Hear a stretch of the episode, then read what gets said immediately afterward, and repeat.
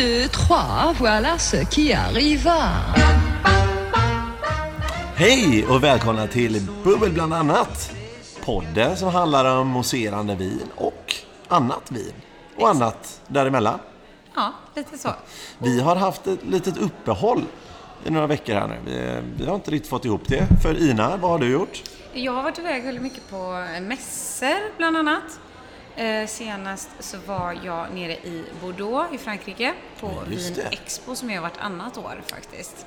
Stor mässa? Eh, ja, stor mässa och sen åkte vi ner lite tidigare också. Vi var bjudna på en väldigt trevlig lunch.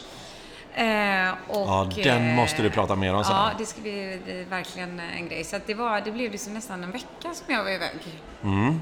Så ja, det har kommit lite saker emellan. Ja, så Lite är det. Det är sommartider. Lite bubbel emellan. Ja, men det är ju sommartider och det är härligt.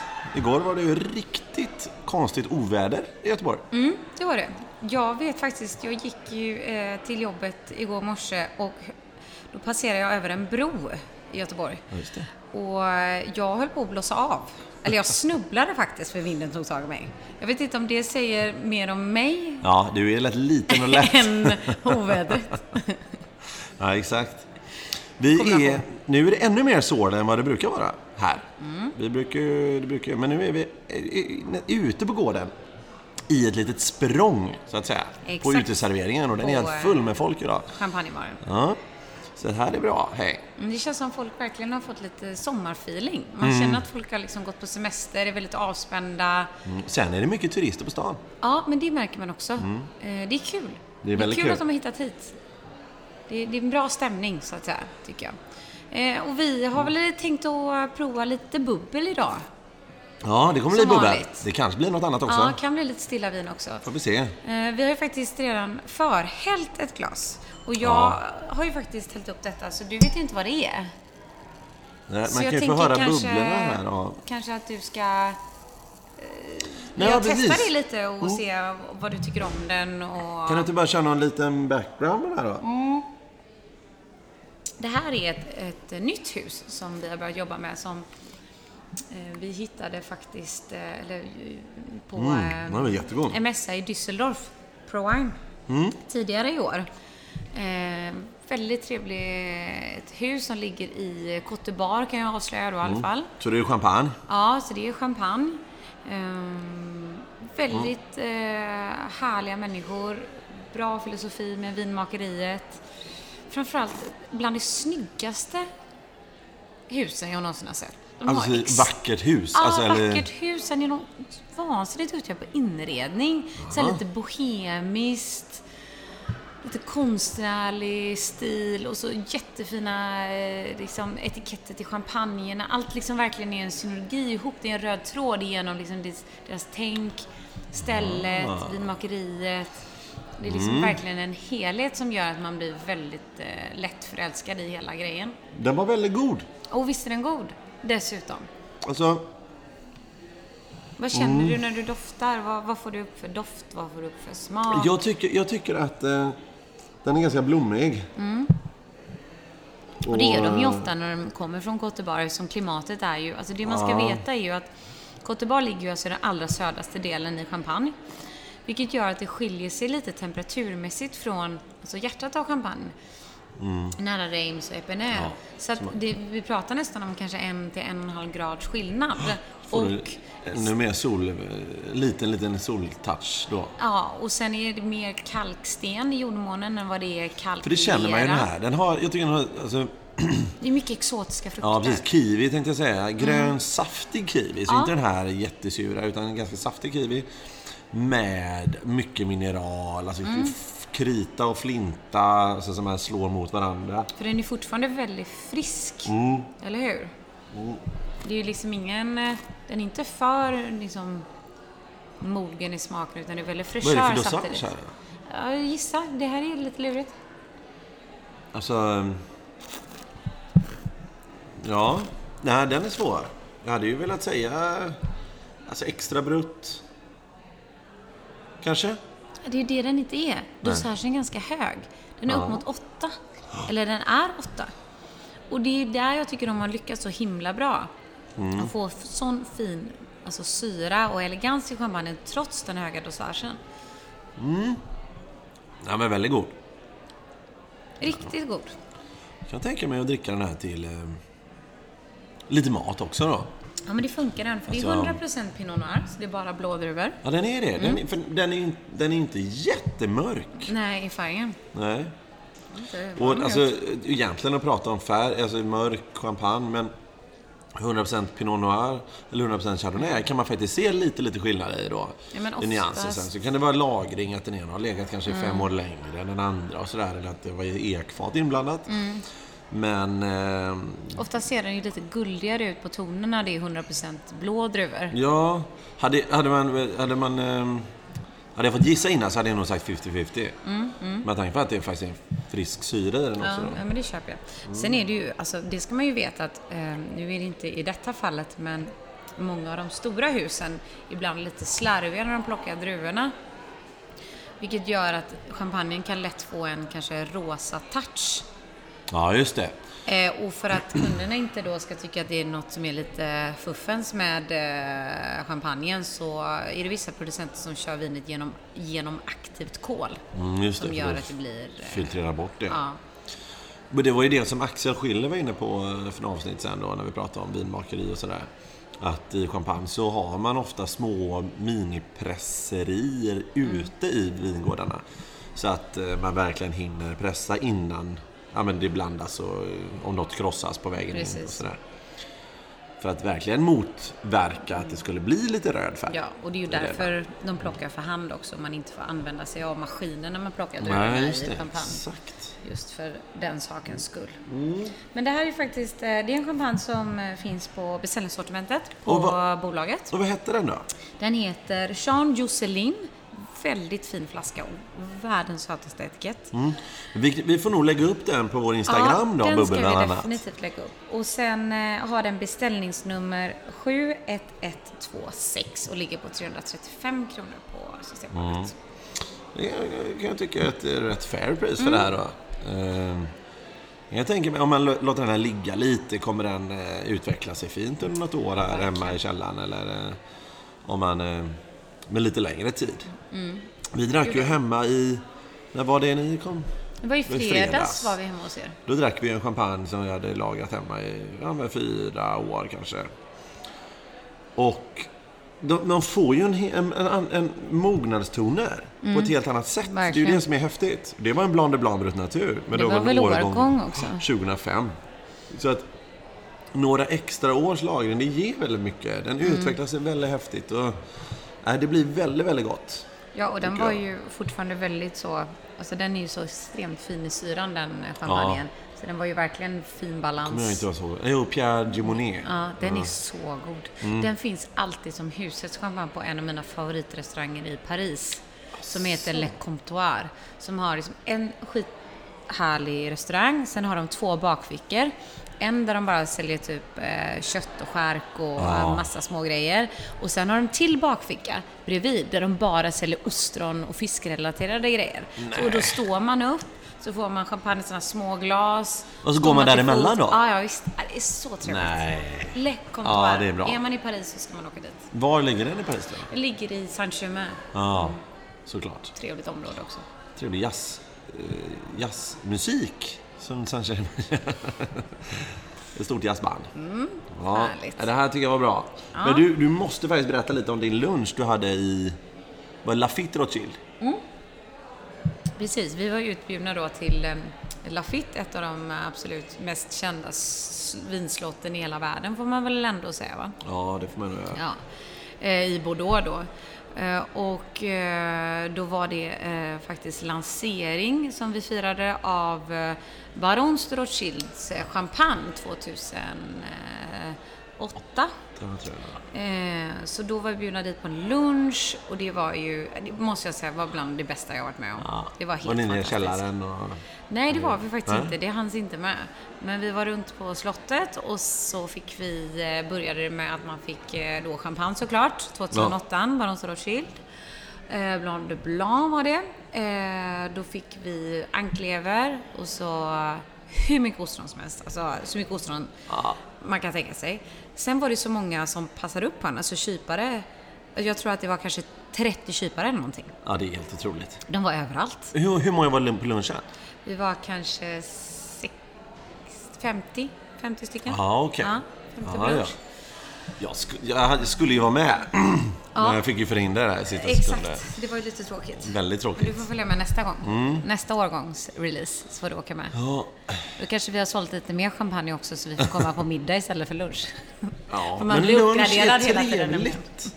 Ja, det är bra. Frukosten och sen lunch. Ja, precis. Men jag tycker lunch är ett trevligt fenomen. Det var alltså. verkligen det, för då minglade vi runt i trädgården först utanför slottet och sen så har de liksom byggt en sån här jättefin ja, lokal då som är till för ja, men luncher och middagar och liknande. Eh, så var vi där uppe och åt en fyra rätters lunch med eh, då champagne, Barons Rothschild och sen fick vi då Monton, Rothschild, ja. Rothschildvin och även Lafitte. då. Så det var inte så tråkigt. Nej. Nej, men det är ju härliga viner. Mm. det. Nej, det var väldigt kul. Det var fanns alltså, baron Philippe Rothschild var ju en, eh, en man som startade alla de här vinhusen förr i tiden. Och det här är ju Bordeaux. Så att det är Monton Rothschild, Lafitte Rothschild och så ägs det lite andra. Och det är tre ättlingar idag. Exakt. Och det är två stycken ättlingar som äger vinhusen och driver och jobbar med dem. Och så är det en ättling som är bankman i Schweiz, tror jag. Precis. Och det här champagnehuset, Barons Rothschild, då ägs det av Philippe, Erik och sen Någon tredje. en tredje som jag nu inte kommer ihåg vad han heter. Fredrik, tror jag. Ja. ja det Eh, så det är tre baroner och de var faktiskt, två av dem var ju med på, alltså de, han som äger av Monton Rothschild Ja, och Lafitte var ju med på middagen. just det. Eller lunchen. Det är rätt trevliga. Så, och de var alltså extremt karismatiska de här två männen. Det hade de ju var också varit om så- jag ägde ett miljardslott Alltså, i Bordeaux. de var så himla härliga och vi på något vänster hade liksom lyckats få sitta liksom typ på honnörsbordet eller någonting. Eh, så vi satt ju typ bredvid. Vi satt, jag satt, hade eh, Monton Rothschilds chef över allt till bordet. Ja, det är inte illa. Eh, och Hugo, min kollega, han hade Lafittes chef över allting. Ja. Så det var, det var väldigt kul. Ja, det låter ju Det var häftigt. Jag måste säga, det var en sån Och sitta och dricka gamla viner och de förklarar och sånt. Det är ju en Det- häftig grej. Ja, alltså. det var jättehäftigt. upplevelse. Ja, ja. Så, mer av sånt, Ja, känner jag. Alltså vill man se häftiga vinegendomar och slott och sådär, om man är i Champagne så är det ju inte så mycket sånt. Där är det ju mer små byar Mm. och vinerierna och sånt. Det ligger nästan som radhus i gamla, gamla sten. Alltså ganska, ganska spartanskt. Men Mm. egendomarna i Bordeaux, där är ju de här pampiga slotten med stora alléer och sånt. Ja, ja, alltså det är helt magnifikt verkligen. Det är Mm. jättevackert. Och sen ska tilläggas också att Bordeaux som stad är en väldigt växande stad. Det har hänt väldigt mycket de senaste Mm. åren och är, Frankrikes andra största Nej. hamnstad. ja det kanske hamnstad är det, men jag Mm. tror det är fjärde största eller något sånt där. Femte eller något sånt. Den kommer inte så högt på listan av Nej, men Halmstad är säkert. Och nej, så jag rekommenderar verkligen att ta några dagar i staden. Och sen åka runt också bland slotten. Mm. Ja. För det, jag måste säga, jag är helt, jag älskar Bordeaux. Jag är helt, jag vill flytta dit, jag vill bo där. Jag var nära på att inte åka hem. Jag bokade till och med om mitt flyg. Du känner väl någon till och med som heter Nils där va? Ja, precis. Det, är ju, så- det blir alltid väldigt förväxlande när jag pratar om Nils som bor i Bordeaux, en, en, Ja. en vän. Och ehm, Exakt. så tror folk att jag pratar om dig och då undrar de, men bor Nils i Bordeaux nu? Nej, det är någon andra Nils. Han är nämligen halvsvensk och halvfransk. Ja, det där är, Och jobba det med, där är eh, så bra alltså. Med vin då såklart. Det är så bra. Mm, så vi får åka och hälsa på den andra Nils. Ja, det ska vi verkligen Ja. göra. Det ska vi verkligen ta och göra. Definitivt. Ja, nej, Bordeaux. Och det är faktiskt vinets mecka på sätt och vis kan man ju säga. Ja. Sen så, man har ju tillverkat vin på sedan länge i andra områden då i världen. Men det är ändå- Men eh, det är Bordeaux som faktiskt eh, många av de vinproducerande länderna idag eh, går efter. Och det är lite tråkigt för i Bordeaux, eh, viner från Bordeaux här i Sverige har liksom tappat lite trendighet på något sätt, vilket är väldigt Ja. märkligt. Folk förstår sig liksom inte på det. De tycker att de kanske är lite för tuffa vinerna och sådär. Men det är väldigt synd för Bordeauxviner är, tycker jag, helt fantastiska. Ja. Men folk har blivit så himla fokuserade över nya världenviner och Sydafrika, Australien och Chile och liknande. Nej, men det är ju det. Man glömmer av att alltså, man behöver inte gå över ån efter vatten. Eller vad säger man? Nej. Nej, det vet jag inte. Hur är jag det är väldigt bra på talesätt. Något sånt. Ja, du fattar jag alltså menar. det som är Bordeaux... Gräset är inte grönare på andra sidan. Nej, Nej. ja, så det är... Nej, men alltså det som är med Bordeaux, det är ju... Jag har för mig att det är 120 eller om det är 200, men jag tror att det är 120 000 hektar Ja, det stämmer. ja. vinmark. Helt sinnes. Och jag tror att det är ungefär lika mycket som hela Tysklands vinmark tillsammans, alltså Här, totalt. förstår du Så att, vad sjukt det är? och jag tror dessutom Sydafrika också ligger någonstans där. Totalareal. Så att Bordeaux som är ett, ett vinområde i Frankrike till och med alltså, har lika stor vinmark som ja, två länder har i vardera. Så det, de, det tillverkas extremt mycket viner. Och sen är det västkusten i Frankrike. Det är ett syrligt klimat. Hamnstad då som sagt. Det, är, och det är en stor flod som rinner igenom. Och man får en hög syra, mycket tanniner, garvsyra. Viner som behöver lagras. Så därför finns det då, kollar man med gubbar som köper exklusiva viner, men då investerar man i mycket Bordeaux för att de klarar lång lagring och de blir extremt häftiga. Köper man en ung Bordeaux, ja, ja något enklare, alltså säger du inte en eh, hundralapp eller neråt, så är inte de anpassade egentligen. För man försöker få fram det idag, men de har en generellt högre syra. Så de är inte anpassade till svensk husmanskonst. Nej, det är Det är det som är problemet. Att eh, om man är gräddig sås och en potatisgratäng eller en... eh, Alltså, då blir det för mycket, alltså, hög sötma. Mm. Så då behöver man ju något mer moget vin då. Så Alltså därför ripasso, solmoget. Ja, man låter druvorna torka då Exakt. Mm. i Amarone så använder man det sen igen och sådär. Så att Amaro, eller, Bordeaux har ju hamnat efter ute bland folket. Mm. Och de som har tid, de köper och lagrar hemma. Ja, för det, grejen är ju, jag, alltså för att för då förklara hur det funkar, för vi frågade, eller Hugo frågade mig när vi var nere och sa men du Ina, hur funkar det? Vem, vem har mest, liksom, vem är det som har agenturen för alla de stora slotten i Sverige? Ja. Då sa det funkar inte så, utan det Nej. finns alltså något som kallas för en negociant. Som är, kan man säga, som en eh, agent som Ja. finns i Frankrike. Och emellan slottet och negociant finns det en courrier som jobbar emellan. Ja. Eh, som sköter liksom köpet mellan slottet Ja. och negociant. Och sen i sin tur köper vi i Sverige av negociantfirman. Mm, just det. Det, det är att negociant är en vinhandlare. Exakt. Ja. Så du, du, du, har inte, du har inte agent eller någonting. Och då köper man primörer, kan man Mm. göra. Och då har ju liksom, du är alltså vinet innan det är klart. Just det. Så då köper du liksom det på, på tunna kan man säga. Ja, Och men det gjorde man ju verkligen förr. Ja, och då vet ju inte du om det kommer bli ett jättebra vin. Eller om det inte kommer bli det. Du vet ju bara förhållandena och vad vinmakaren säger om det har varit Mm. ett bra. Och sen är det ju så att när de här vinerna börjar släppas, då sitter alla slotten och håller på varandra, vem som ska släppa först, för att se vilket pris de säljer för. Så det är nästan Mm. det. som en aktiehandel. Det är Spännande. väldigt, väldigt speciellt. Så det rings och hålls på och allting. Min pappa jobbade jättemycket med att köpa primörer. Ja, det är Eh, häftigt ändå, alltså. För många år sedan. Ja, för det var ju stort det. förr i tiden. Ja, han sa det att det var som, men det var som att jobba med aktier. Men då så köpte du ett helt fat. Precis. Och det var satt det och var ringde det. med en negociant och de ringde Korean och så slottet och så jäkla Och eh, tittar man då faktiskt på ett sidospår på det. Om man tittar på en flaska Bordeaux idag, eller eh, ja, framförallt Bordeaux, men sen finns det också andra som har härmat efter det då. Så finns det då på etiketter att det är ett rött streck draget över eh, etiketten. Mhm. Så det är etiketten är som vanlig med label och allting då i det ena och det tredje. Och så är det ett rött streck från, ja, upp, alltså som korsar Mm. etiketten. Och då st- står det ofta att ja, den här flaskan är buteljerad på egendomen. Mm. Så det har kommit efter den då, att det här är någonting som egendomen själv har tappat och det här är inte ett fat som någon annan Någon har handlat köpt. med. Nej, precis. Och sådär. Så det, ja, Det är väl intressant. Det är, Ja, väldigt, det är en helt annan liksom, värde. verkligen. Inte som att köpa champagne. Du, ska vi ta nästa? Ja, tycker jag.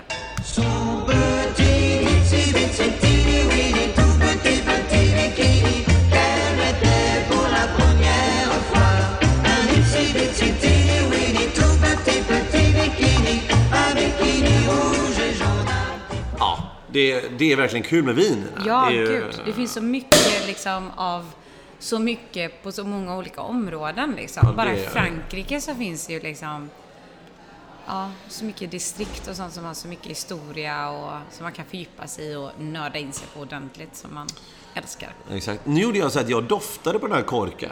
Eh, eh, som jag öppnade på den här flaskan, bubbel. Och eh, vissa säger att ja, men en korkdefekt känner man inte på att dofta på korken. Nej, Men, eh, det kan jag inte det, men alltså, jag tycker ju det. hålla med om. Alltså har man doftat på något sätt man, när man jobbar aktivt med vin och öppnar 100 flaskor på en dag Jag och doftar på alla. Ja, men då känner man ju det. Ja, gud ja. Men det är så, nej det kan man inte göra, det är jättesvårt och sådär. Men, men det är ju något som inte kan. Det, man kan det, om man vet vad man ska dofta efter. ja. Man kan det. Nej, så så är det. Ja, vad har du för färg på det här då, tycker du? Eh, Rosa tänkte jag säga, men jo, jag skulle faktiskt säga rosa. Ja.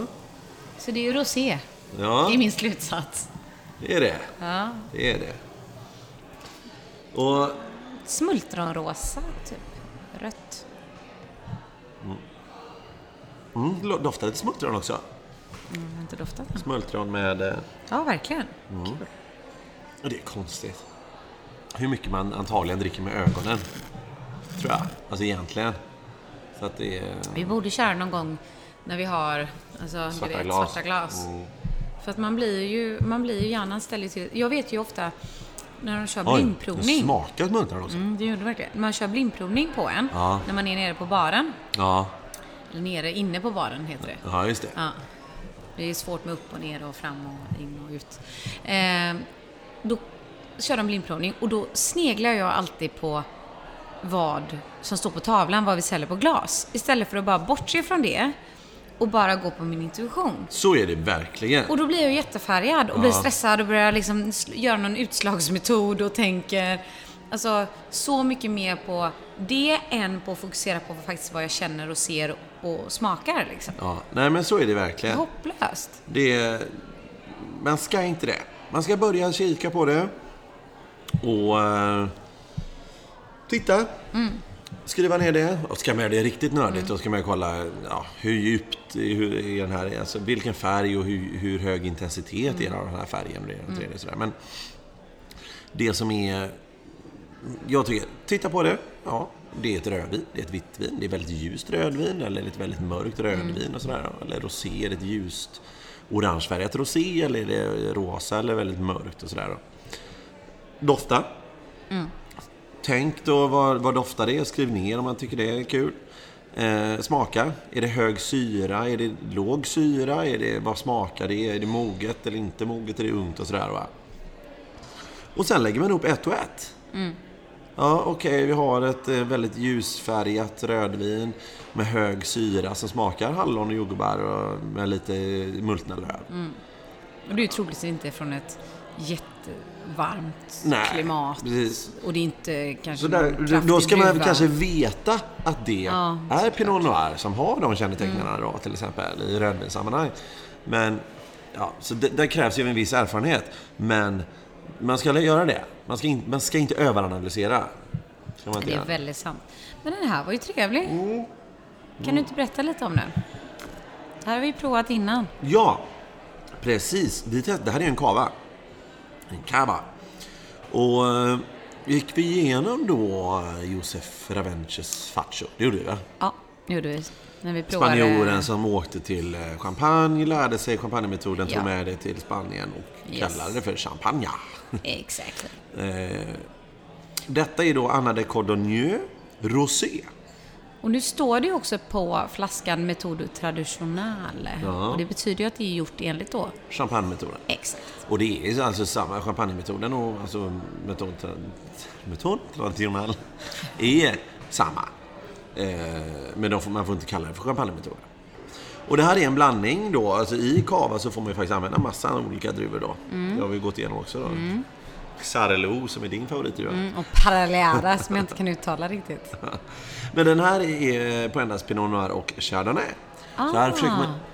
Ännu mer eftersträva. Ja, lite så. Man försöker eh, hänga på där då. Mm, men det är väl trevligt. Eh, I, eh, Eller? Och den är brutt då, så du har den tillsatt av socker. Nu kommer det ju mer och mer kava som inte har tillsatt sig Nej, av det börjar socker. bli lite torrare och torrare Ja. faktiskt. Eh, De har ju ett varmare klimat så det är ju Mm. är väl bra. Men jag tyckte den var trevlig. Jag tyckte den här var jättegod. Och jag tyckte den andra vi testade också var det, den stilla Ja, vanliga. men alltså vi tycker ju om eh, Cordonier, får vi ändå säga. Ja, det, det måste jag faktiskt Positivt. säga. Ja. Det, ehm, Men alltså, jag, jag, jag börjar ju liksom mer och mer få upp ögonen för andra typer av mousserande viner. Jag provade på Vinexpo, det sista vinet jag hittade var en prosecco som jag ska faktiskt åka och besöka den producenten nästa vecka. Som var bland det bästa jag har provat. Nej. Alltså den var så bra Nils att jag... Alltså, är jag, var helt, jag, var så, jag var så lycklig så jag ville liksom inte... Jag visste inte vad jag skulle ta till mig. var låg den då? Den ligger upp ovanför Venedig. Så eh, ganska högt upp. Så det var mycket, du vet, fräschör och... Ja. Och de Ja, det är hade eko, grejer, alltså. prosecco och de hade liksom... Nej, jag var helt... Jag, var så, jag, jag blir väldigt glad när jag hittar bra grejer. Det är bra. Det, är ren och skär lycka. Det är helt fantastiskt. Den ska jag ta med. Jag har bett om prover. Så den ska jag prova nästa gång. Ja, det kan bli kul Mm. att testa den. Helt fantastiskt. Det är en... eh, Nej, men det är kul med andra. Alltså, jag, menar, jag tycker det kommer mer och mer kvalitetsmousserande viner som inte är champagne bara. Ja, Eller så hur? är det ju. De hänger Men vi med pratade i om att vi skulle köra ett, utvecklingen ett avsnitt med bara engelska bubbel. Ja, just det. Det måste vi göra. Det måste vi definitivt, har vi lovat. Eh, Det ska vi göra. Det ska vi göra. Då ska vi bara hitta någon eh, lite rolig importör som jobbar med det Ja, men det är svårt alltså. och beställa hem. Jättesvårt.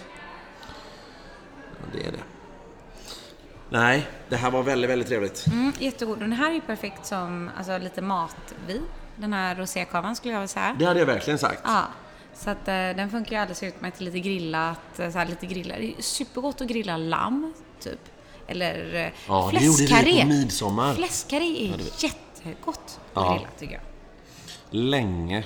Det jag tycker är kul att göra med fläskkarré, och det är, man, vissa använder ju fläsksida då, det är väl kanske Mm. originalreceptet. Men ta hela karrén och så slicear man upp den då så att det blir som en jättestor sida, bara jätteplatt. Mhm, Man kan googla det Ja. faktiskt, hur man skär upp det. Och sen så gör man då med eh, massa färska örter, citronzest, salt, peppar, massa vitlök och smör då. Man gör ett jättegott smör med alla de här goda grejerna.